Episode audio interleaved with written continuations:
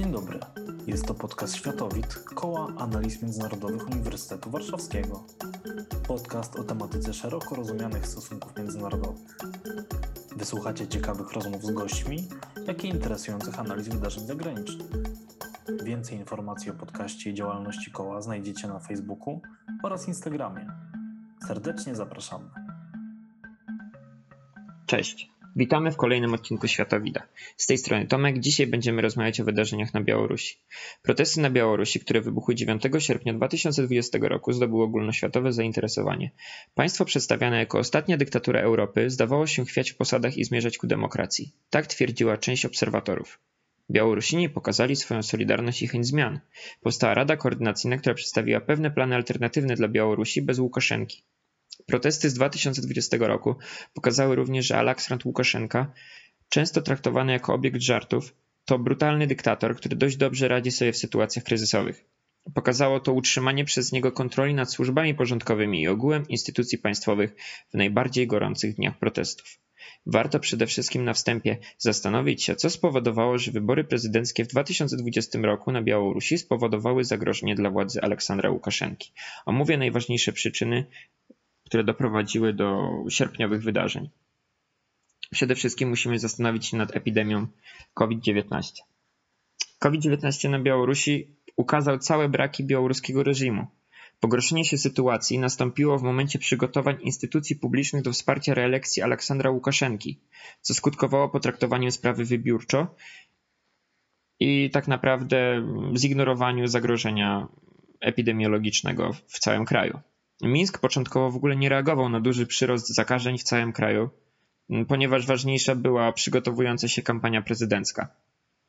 Legendarne już słowa Łukaszenki o zapobieganiu zakażeniu przez picie wódki, granie w hokeja i siedzenie w saunie, czy też o dobroczynnym wpływie jazdy na traktorze pokazywały, jak administracja prezydenta i sam prezydent podchodzą do, do zagrożenia wirusem. Ministerstwo Zdrowia Republiki Białoruś podawało optymistyczne dane o przygotowaniu infrastruktury i kadr medycznych do przyjęcia chorych, jednocześnie zaniżając liczbę zakażonych i bagatelizując zagrożenie. Tutaj Ministerstwo Zdrowia Białorusi chwaliło się, że ma więcej respiratorów na 100 tysięcy mieszkańców niż jest ich we Włoszech, na tyle samo ludzi. Administracja Łukaszenki dodatkowo też bała się ogłosić lockdown w obawie przed pogorszeniem się sytuacji gospodarczej, która od początku 2020 roku stopniowo się pogarszała. Władze nie starały się rzetelnie informować obywateli o aktualnej sytuacji epidemiologicznej, co powodowało wzrost popularności niezależnych portali internetowych, które również często nie przedstawiały sprawdzonych informacji. Pozostawienie społeczeństwa samego sobie przez reżim spowodowało powstanie ruchu obywatelskiego, który początkowo skupiał się na samopomocy potrzebującym w tym trudnym okresie. Wkrótce jednak, ze względu na poczucie osamotnienia społeczności, zaczęło to manifestować też swoje poglądy polityczne i często chęć zmiany prezydenta ponieważ dla Białorusinów ważniejsze od takich działań politycznych było to, że po prostu sprawa z y, koronawirusem i bagatelizowanie sprawy, kiedy bardzo wielu ludzi umierało w szpitalach, y, spowodowało, jakby dołożyło, może przelało czarę goryczy y, społeczeństwa wobec działań Aleksandra Łukaszenki. Tak samo jak w 2017 roku, warto tutaj o tym wspomnieć, tak samo czarę, czarę goryczy i dopro, y, przelało i doprowadziło do protestów ustanowienie tak zwanej ustawy o darmozjadach, która nałożyła podatek na osoby niepracujące. No, ponieważ właśnie Łukaszenka nazwał ich darmozjadami, którzy nie, nie, nie pracują na swoje społeczeństwo.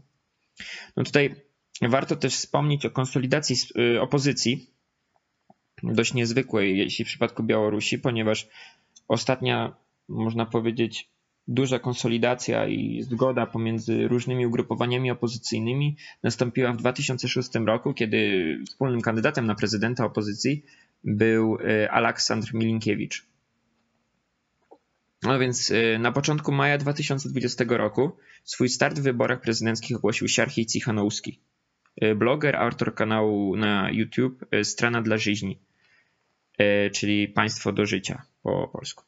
Dwa dni po tym wydarzeniu został zatrzymany i osadzony w więzieniu w siedzibie Komitetu Bezpieczeństwa Państwowego KGB lub KDB, jeśli mówimy z skrótem białoruskim. W czerwcu zatrzymano najbardziej liczącego się przeciwnika Łukaszenki, Wiktora Babarykę.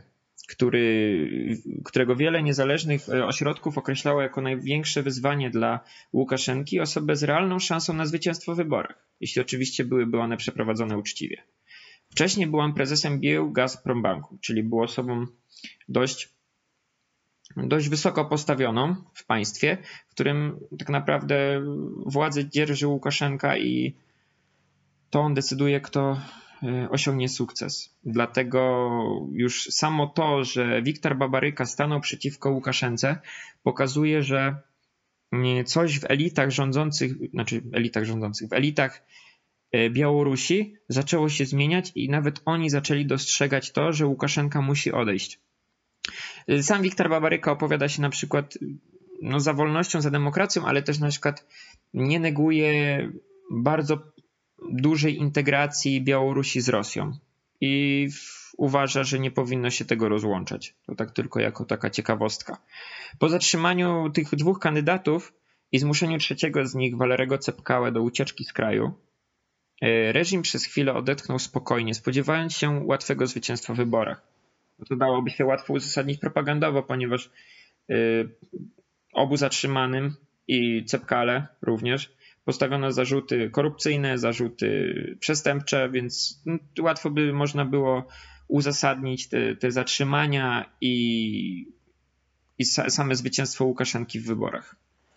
Wtedy też mm, pojawiła się postać światłanej Hierochijeuny Cichanowskiej, żony Serhieja, która w emocjonalnym przemówieniu ogłosiła swój start w wyborach prezydenckich. Od samego początku Cichanowska powtarzała, że chce doprowadzić do wolnych wyborów i uwolnienia więźniów politycznych. Wkrótce wokół niej zgromadziły się sztaby innych aresztowanych. Wtedy też Białorusini zaczęli widywać słynne białoruskie trio, w skład którego wchodziły Cichanowska, Wieranika Capkała, żona Walerego oraz Maria Kalesnikowa, szefowa sztabu wyborczego Babaryki. Na spotkaniu z Cichanowską e, w całym kraju przybywały tłumy, e, którym ta niepozorna nauczycielka języka angielskiego dała nadzieję na pozbycie się Łukaszenki. Szybki wzrost popularności Cichanouskiej był szokiem dla reżimu, który rozpoczął próby zdyskredytowania jej w oczach wyborców. Łukaszenka zaczął wypowiadać się, że rządzenie nie jest dla Cichanouskiej, która mogłaby tego nie wytrzymać. Posługiwał się przy tym bardzo prymitywnymi porównaniami i stereotypami. Więc tutaj możemy zobaczyć, że doszło do pewnej konsolidacji opozycji, która, której nie było dawno, bo jak już wspomniałem, ostatnia taka konsolidacja nastąpiła w 2006 roku, kiedy też opozycja wystawiła swojego kandydata w wyborach i był nim właśnie Aleksander Milinkiewicz. No tutaj też ważnym, ważną przyczyną y, będzie sytuacja gospodarcza na Białorusi, ponieważ białoruska gospodarka od dawna jest niewydolna i jest utrzymywana głównie dzięki zagranicznym kredytom, które w większości pochodzą z Federacji Rosyjskiej. Wielki sąsiad wykazuje całkowite uzależnienie białoruskiej gospodarki od siebie i powiązania w ramach kraju związkowego, do oddziaływania i wpływania na politykę Aleksandra Łukaszenki. Flagowym przykładem takich działań były działania Rosji, która groziła odcięciem Białorusi od dostaw ropy i gazu, by wymusić na Łukaszence podpisanie map drogowych, które przewidywały pogłębienie procesu integracyjnego w ramach Związku Białorusi i Rosji. Stan białoruskiej gospodarki zaczął się pogarszać od początku 2020 roku, na co wpływ miały również działania Rosji, a następnie mm, coraz gorsza sytuacja epidemiologiczna, ponieważ coraz więcej ludzi chorowało i nie mogło stawiać się w zakładach pracy. A białoruska gospodarka, można powiedzieć, lekko zmodernizowaną gospodarką sowiecką, w której większość udziałów trzyma państwo, przynajmniej w starych sektorach gospodarki, w starych sektorach, rozumiem, przez rolnictwo, przemysł. No, już w usługach jest bardzo, można powiedzieć, rozbudowany sektor prywatny, w IT IT, o nim będzie później, ponieważ właśnie sektor IT odegrał dużą rolę w protestach. Więc tutaj można jeszcze powiedzieć, że ekonomia to bardzo drażliwy temat dla Białorusinów, co już wspomniałem właśnie a propos protestów w 2017 roku, po wprowadzeniu w 2015 y, dekretu prezydenckiego, właśnie dekretem prezydenckim tej ustawy o darmozjadach, która przewidywała nałożenie podatku na niepracujących. Takie działania no, spowodowały wybuch tych właśnie największych protestów od czasów wyborów prezydenckich w 2010 roku. No i tutaj właśnie można zauważyć, że polityka była mniej istotna, tak jak wspomniałem, od zwykłych czynności niezbędnych do przeżycia, znaczy do normalnego życia społeczeństwa. No i właśnie w tym widać problem białoruskiej gospodarki, ponieważ Łukaszenka pozornie uzdrawiając w latach 90., kiedy przejął władzę, podtrzymał sowiecką stagnację w tych sektorach, o których już wspomniałem, czy właśnie w rolnictwie, przemyśle i innych takich, można powiedzieć, starych y, sektorach gospodarki. I tak naprawdę każde pogorszenie się sytuacji gospodarczej powoduje niezadowolenie mas, w związku z czym pozycja Łukaszenki w społeczeństwie zaczyna się chwiać. I tak, tak naprawdę o, no tutaj gospodarka jest bardzo istotna dla, dla wydarzeń e, na Białorusi. Dobrze, to takie, to są właśnie te trzy, myślę, że najważniejsze przyczyny protestów na Białorusi. Teraz chciałbym przejść ogólnie do wydarzeń protestów. E, tutaj też nie, nie będę się za bardzo rozwodzić, ponieważ to jest temat rzeka. Można by mówić mm, tak naprawdę cały dzień o tym, co się działo podczas tego ponad pół roku protestów.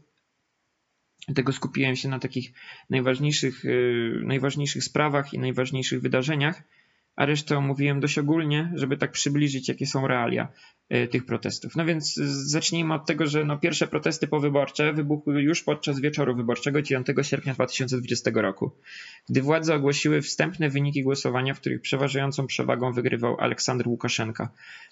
Zdobył około 80% y, głosów. Druga Cichanouska zdobyła według różnych wyników od 6 do 10% głosów. Tego też powodu na ulice wielu miast Białorusi wyszli protestujący. Największy marsz odbył się w Mińsku. Wtedy też doszło do pierwszych starć z milicją, która wyprowadziła na ulicę oddziały specjalne OMON. Te słynne oddziały, które teraz tak naprawdę kojarzą się głównie z Białorusią. Pierwsze dni protestów były pokazem niesamowitej brutalności służb porządkowych. Przeciwko pokojowo protestującym Białorusinom reżim użył oddziałów szturmowych milicji, armatek wodnych, gazu łzawiącego oraz granatów hukowych i gumowych kul. W niektórych miastach, np. w Pińsku, to protestujący przejęli inicjatywę w walkach z milicją i doprowadzili do wycofania jednostek milicyjnych z rejonów koncentracji protestujących. Jest słynne nagranie z Pińska, gdzie ludzie dosłownie rzucają różnymi kijami czy pałkami w milicjantów, którzy tworzą formację na kształt żółwia, rzymskiego żółwia i wycofują się z rejonu koncentracji właśnie protestu. No walki z milicją właśnie te skutkowały pierwszymi zabitymi, ponieważ pierwszym zabitym podczas protestu był Aleksandr Trajkowski, który został zastrzelony przez oddziały specjalne milicji przy stacji metra Puszkińskaja 10 sierpnia w Mińsku. Czy tutaj też był jedna kolejna ofiara, Hinać Szutał, zginął postrzelony w głowę w Brześciu 11 sierpnia. Zginął postrzelony gumową kulą, ponieważ pozornie może się wydawać, że gumowe kule są mniej raniące niż y, ostra amunicja, natomiast y, przy trafieniu z dość bliskiej odległości w głowę gumowa kula potrafi wyrządzić duże spustoszenie. Y, zwłaszcza trafiając w głowę, co może po prostu doprowadzić do uszkodzenia mózgu i to bardzo mocnego, znaczy mocnego, bardzo ciężkiego uszkodzenia mózgu. E, dodatkowo w dziwnych okolicznościach zginęło też kilka innych, e, kolejnych osób. Tutaj między innymi zaginął, a później został znaleziony martwy e, szef Muzeum Wojskowego w Wołkowysku, to jest niedaleko granicy z Polską, który jako jedyny ze swojej komisji wyborczej odmówił podpisania sfałszowanych protokołów. Mm, no tutaj też warto pozaznaczyć, że brutalność milicji spowodowała działania mające uderzyć w samą milicję, tutaj też warto wspomnieć, że nie tylko milicja zaczęła być odrzucana przez społeczeństwo, ponieważ nawet urzędnicy, o których było wiadomo, że podpisali sfałszowane protokoły wyborcze, mm, byli mm, odrzucani społecznie. Tak naprawdę nikt się nimi przestał interesować, zaczęto ich odrzucać, obrażać. Tutaj, tutaj taka kuriozalna, śmieszna z perspektywy osoby żyjącej w demokratycznych państwach jest Y, sprawa jednego z urzędników, który w swojej wiosce został odrzucony y, przez społeczność i nie mógł wypasać swojej krowy razem z krowami y, innych mieszkańców wioski, przez co no, nie mógł zająć się innymi sprawami, ponieważ musiał pilnować swojej krowy. Ponieważ tam silna jest właśnie taka samopomoc społeczna, że jeden gospodarz wyprowadza krowy i inne zwierzęta na pastwisko i je pilnuje przez cały dzień, a reszta, reszta mieszkańców wioski może się zająć innymi sprawami. I tak, tak to działa. No tutaj ogólnie teraz właśnie chciałbym opowiedzieć o tych metodach przeciwdziałania, no to na internecie powstała m.in. Czarna Księga Białorusi, w której publikowane są nazwiska rozpoznanych funkcjonariuszy, którzy brali udział w tłumieniu protestów. Kolejną powiązaną z powyższą akcją był, no, była akcja ściągania masek milicjantów, co pozwoliło rozpoznać dalszych funkcjonariuszy. Jednak skutkowało to zatrzymaniem wielu osób. Najsłynniejsza z nich, Natalia Hersze, to Białorusinka zamieszkała w Szwajcarii, która przybyła wziąć udział w wyborach w swoim kraju. No i ona za ściągnięcie Omonowcowi kominiarki trafiła na 2,5 roku do kolonii karnej. Obecnie prowadzi ona strajk głodowy, podobnie jak y, trzech innych zatrzymanych, m.in. Ichar Losik, y, czyli redaktor naszej Niwy.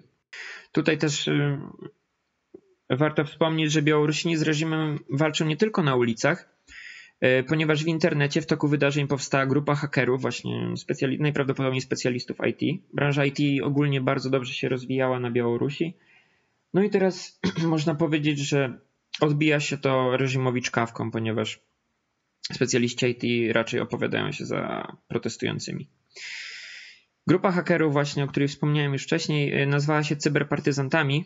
Y, oni przeprowadzili kilka ataków na strony reżimu oraz wyciągnęli z baz danych nazwiska funkcjonariuszy OMON-u, które przy pomocy kanału Niechta zostało opublikowane, gdy przemoc na ulicach nie ustała według ich y, ultimatum.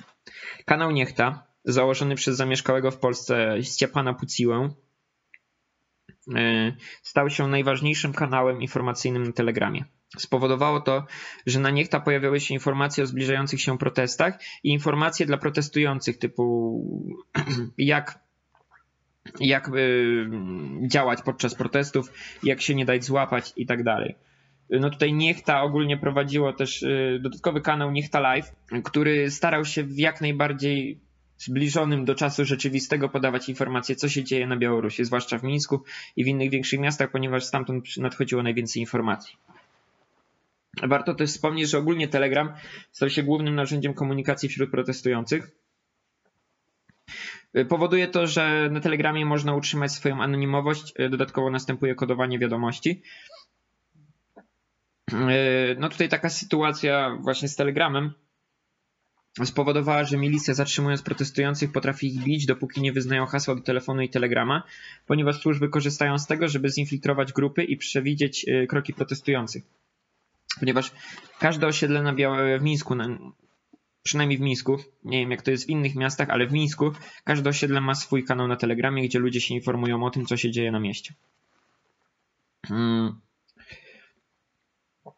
no to tutaj ogólnie te działania, które, o których już wspomniałem, e, zaczęły oddziaływać na część kadr służb, co spowodowało, że zwłaszcza w mniejszych miejscowościach zaniechano tłumienia protestów w początkowej fazie.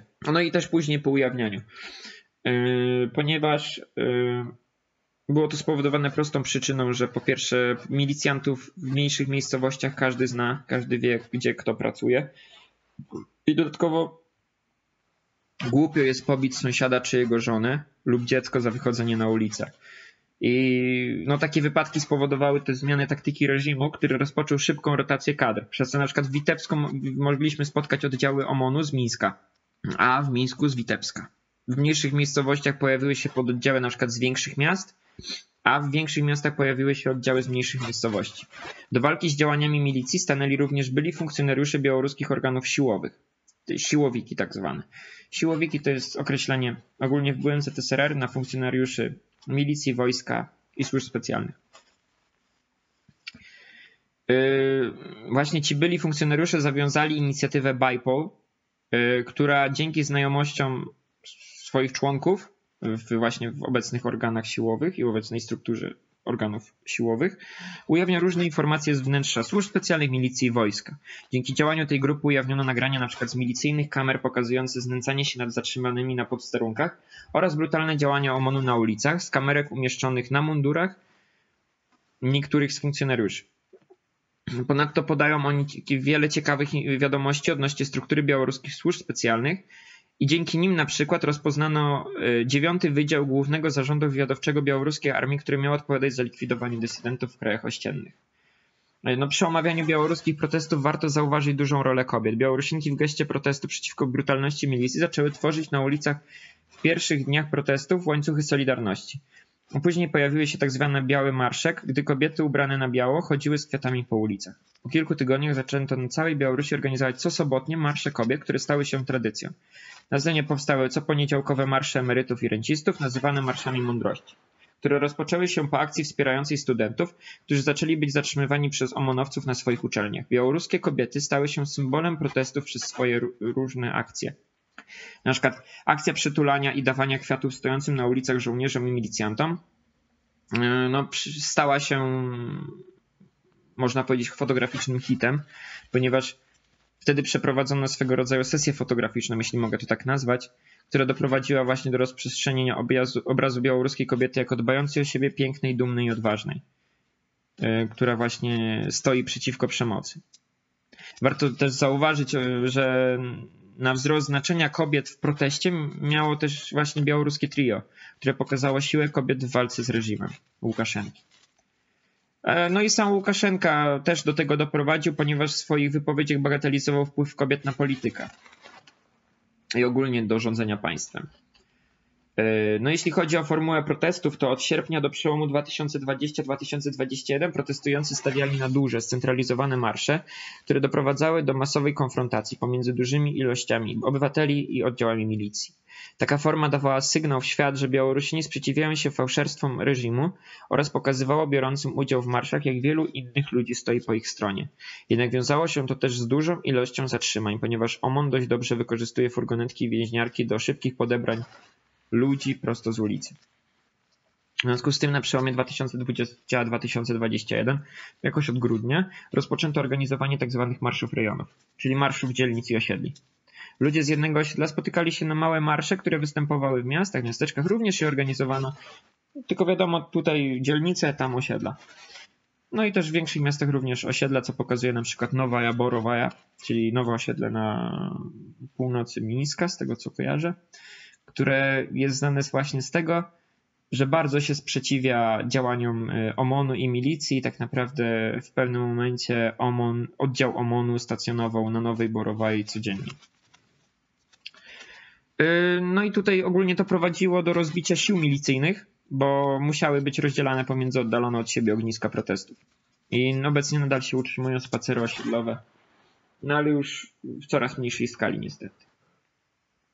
W związku z takimi działaniami powstał też swego rodzaju osiedlowy folklor, który obejmuje tworzenie flag regionów, rejonów, przepraszam, opartych na białoruskiej biało-czerwono-białej fladze i pewnym symbolu danej dzielnicy czy osiedla. Na przykład rejon Gruszałka w Mińsku ma flagę biało-czerwono-białą z gruszką na środku. Ma gruszałka, gruszka.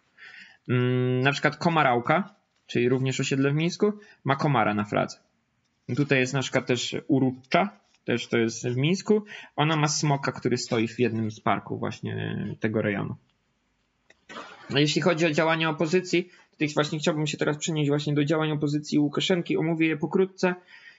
Yy, więc y, jeśli chodzi o działania opozycji, to najważniejszym wydarzeniem było utworzenie Rady Koordynacyjnej, no, która pełni właśnie funkcję administracji Cichanowskiej, takiej administracji prezydenta i prowadzi plany i analizy działań mających doprowadzić do pokojowego przekazania władzy przez Łukaszenkę i zdefiniowania przyszłej białoruskiej polityki zarówno zewnętrznej, jak i wewnętrznej. No tutaj Svetlana Cichanowska obecnie przebywa w Wilnie, no i prowadzi ona sama wiele spotkań z przedstawicielami Unii Europejskiej, ogólnie pojętych krajów, krajów Zachodu, e, co można obserwować na Instagramie prezydent Swieta.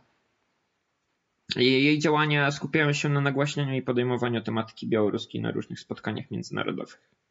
Jeśli chodzi o działania Aleksandra Łukaszenki, no to on promuje działania służb i zachęca do brutalności milicje i wojska wewnętrzne, e, co pokazało opublikowane przez Bajpol nagranie z kamery milicyjnej spod Pałacu Niepodległości. To jest Pałac Prezydencki w Mińsku.